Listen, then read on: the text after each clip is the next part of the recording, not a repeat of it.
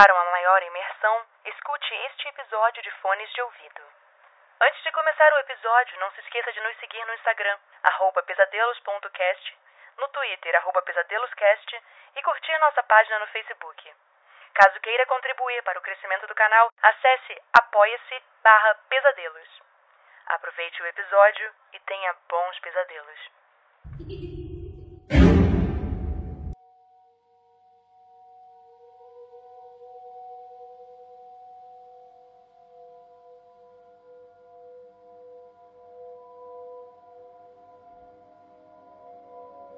Bem, eu não quero conviver com essa ideia sozinho. Decidi há algum tempo que precisava compartilhar a história que vivenciei. Como o fato não aconteceu comigo, eu darei apenas a minha visão e interpretação do ocorrido. Espero que entenda, e em hipótese alguma, eu quero que você questione sobre a veracidade da história. Quero que simplesmente reflita a respeito, pois a ideia tem me atormentado há algumas noites e nem o mais assustador dos demônios vai te apavorar tanto quanto uma ideia.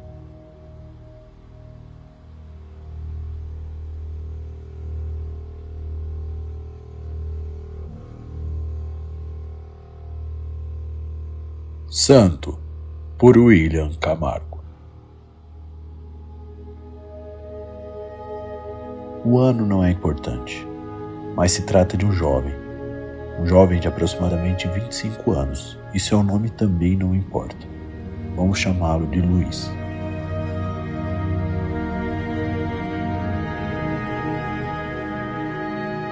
Luiz nunca se importou com absolutamente nada e nem ninguém. Era um jovem egoísta. Vivia apenas para seu prazer. Tudo o que fazia girava em torno de seus benefícios. E quando digo isso, digo pois conheci Luiz quando era uma criança e mesmo para uma criança era doentio seu nível de sarcasmo e sadismo. Ele praticava desde pequenas ofensas a grandes delitos e não sentia remorso algum, mesmo com quem estava próximo, até mesmo seus familiares. Mas infelizmente, o caos não escolhe. E Luiz, mesmo sendo mau caráter, sempre conseguia se safar. Ele cresceu e nada mudou, sempre envolvido em problemas, mudava de amigos a cada semana e não parava em emprego algum. Por sorte, sempre teve seus pais por perto. Sempre dava um jeito. Mas quando acabara de completar 24 anos, sua vida mudou. Ele pilotava um carro esporte que chamava bastante atenção. Quase sempre bebia quando dirigia. Era um fim de semana, um sábado, talvez uma sexta, Luiz avançou o sinal vermelho como fazia sempre. Mas dessa vez, seus reflexos abalados pelo álcool, somados à falta de responsabilidade, colocaram seu carro de frente para uma família de quatro pessoas: um pai, uma mãe e seus dois filhos.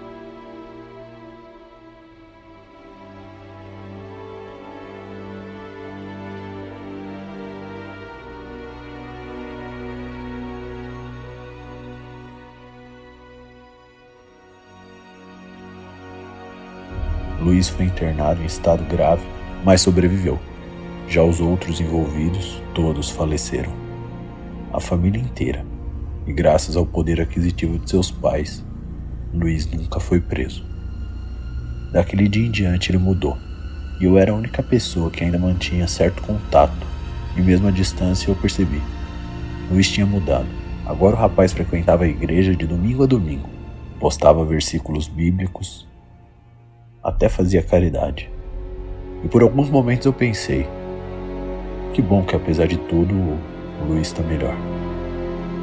Mas como eu havia trocado de número recentemente, nunca mais falei com ele. E seis meses se passaram, até o fatídico dia em que eu acordei com a pior notícia da minha vida. Luiz havia se matado. E pior, matou seus pais antes.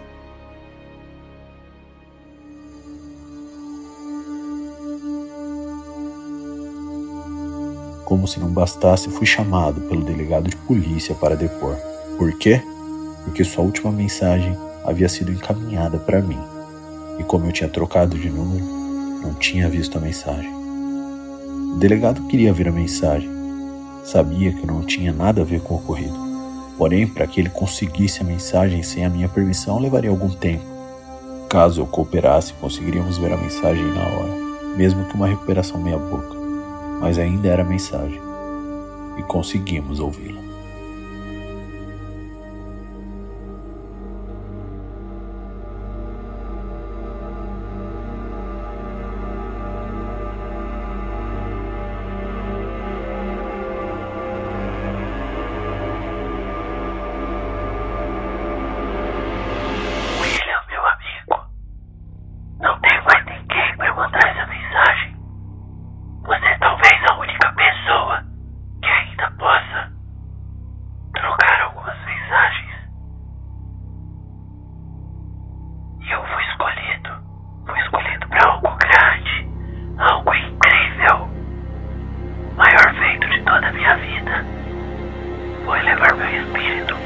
pois foi ouvido, ouvido pelo Senhor.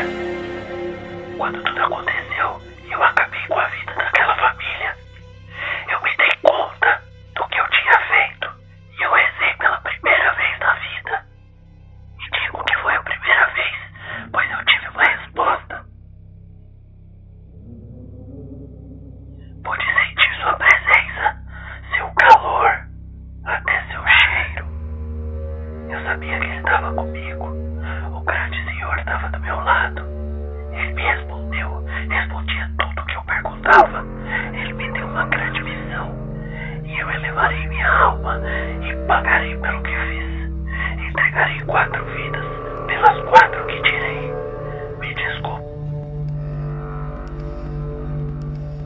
Quando vi a mensagem, pensei o que todos pensariam.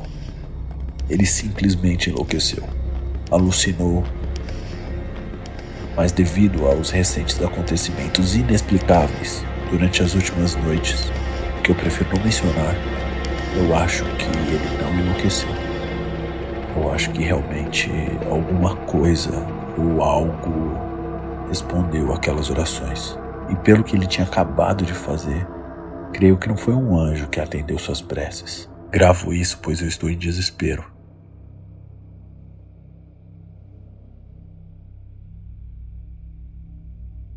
Luiz matou quatro pessoas no acidente de carro e disse que pagaria com quatro vidas. Ele matou seu pai, sua mãe e se matou. Bom, eu tô realmente preocupado. As coisas estão cada vez piores. Ouço meu nome ser chamado quase sempre. Eu tenho déjà vus constantemente. Paralisia de sono virou uma rotina. E posso estar tá completamente maluco, mas tenho certeza que ontem, antes de dormir, ouvi alguém sussurrar no meu ouvido.